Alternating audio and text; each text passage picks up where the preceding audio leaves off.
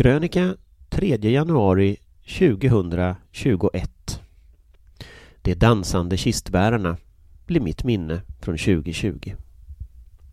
Det blev inte bara liemannens år. Skrattet lever.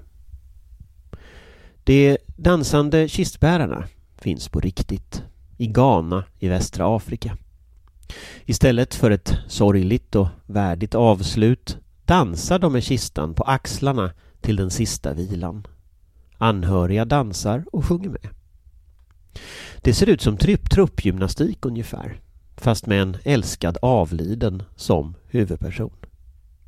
Dansen blev ett populärkulturellt fenomen i BBC för tre år sedan och har under pandemin utvecklats till en internetmeme till tonen av Tony Iggys Astronomia. En slags pestens signaturmelodi. Om du har barn är sannolikheten stor att detta redan har drivit dig till vansinne på Facebook, Twitter, Youtube och TikTok. Överallt denna entoniga elektropop. Överallt dessa allvarliga män i prydliga vita slipsar som lockar rocka loss med kistor på väg till ännu en begravning. Donald Trump använde en av de mer kända sekvenserna med dansande kistbärare i en kampanjfilm på kistan hade Trump skrivit pre Biden president. Inte så subtilt kanske. Men om drygt två veckor är det faktiskt Donald Trump som ska bäras ut. Vare sig han vill eller inte. Och inte bara kistbärarna kommer att dansa av glädje. Om inte covid-19 förstört det mesta av 2020 hade Trumps valförlust och misslyckade försök till statskupp varit det största som hänt. Nu bleknar till och med maktens stora pendelrörelser vid sidan av den största pandemin sedan spanska sjukan. Men 2020 blev faktiskt inte bara liemannens år. Det finns även strimmor av hopp. En vindkantring till något bättre. Låt oss gå fyra år tillbaka till 2016. Enligt Oxford Dictionary var årets ord post-truth eller postsanning. Under Brexitomröstningen hade Lämna-kampanjen ljugit sig tvärs genom hela valkampanjen. En av kampanjledarna, Michael Gove, hade svarat på kritiken med orden ”Det brittiska folket är trötta på experter”. Hans kampanj hade hävdat att miljarder pund lätt skulle kunna tas från EU-avgiften och ges till sjukvården. Antytt att länder som Turkiet, Irak och Syrien var på väg att bli medlemmar och påstått att Brexit skulle gå lätt som en plätt. Samma år lånade Donald Trumps valkampanj retorik från 30-talet. Istället för Lügenpresse kallade han visserligen media fake news, men budskapet gick fram ändå.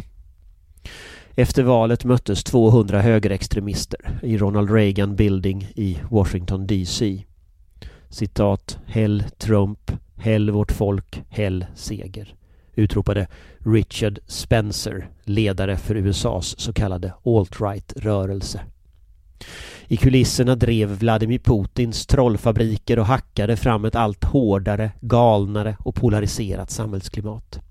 Statsvetaren professorn Timothy Snyder varnade i Om tyranni, 20 lärdomar från det 20 århundradet om fascismens återkomst som ett verkligt hot även i Amerika.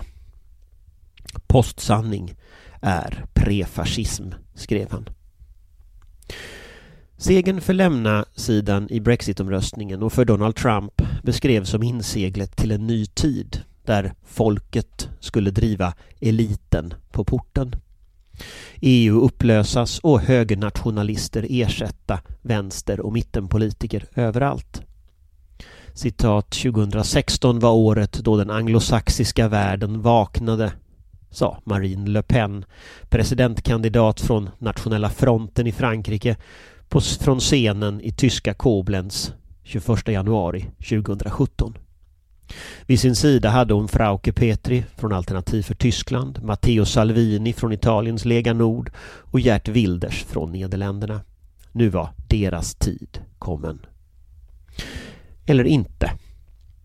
Matteo Salvini blev visserligen under en tid inrikesminister i Italien men sen tog det stopp.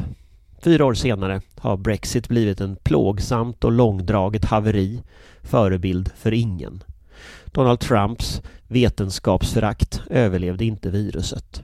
Högerpopulismens malström har visserligen skadat demokratin men står inte som segrare.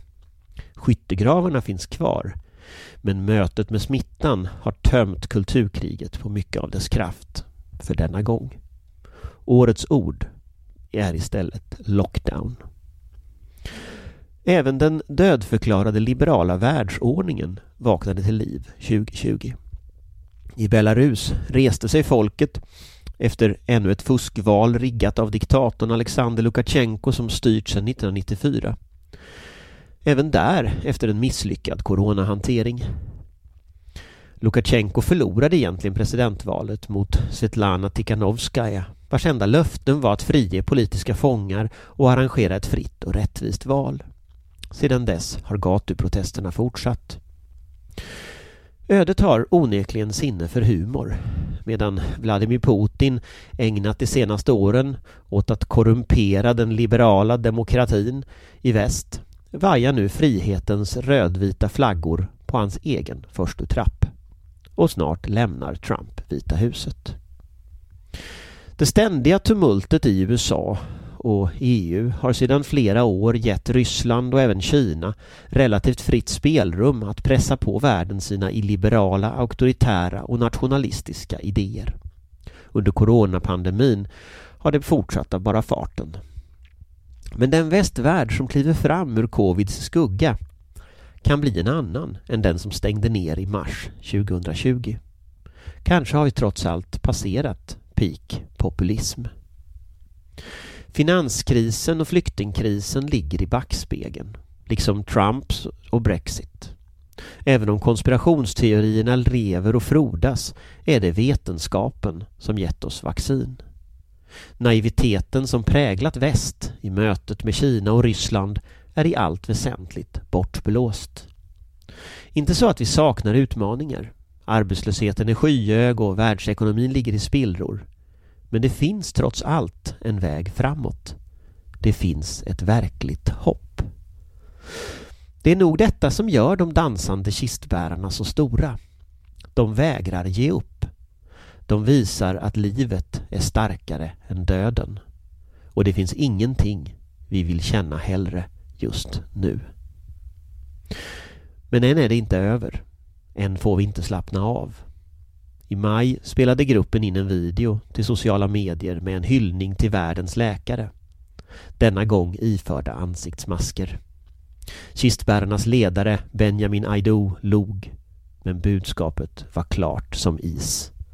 Stanna hemma eller kom dansa med oss. Sen skrattade han lite.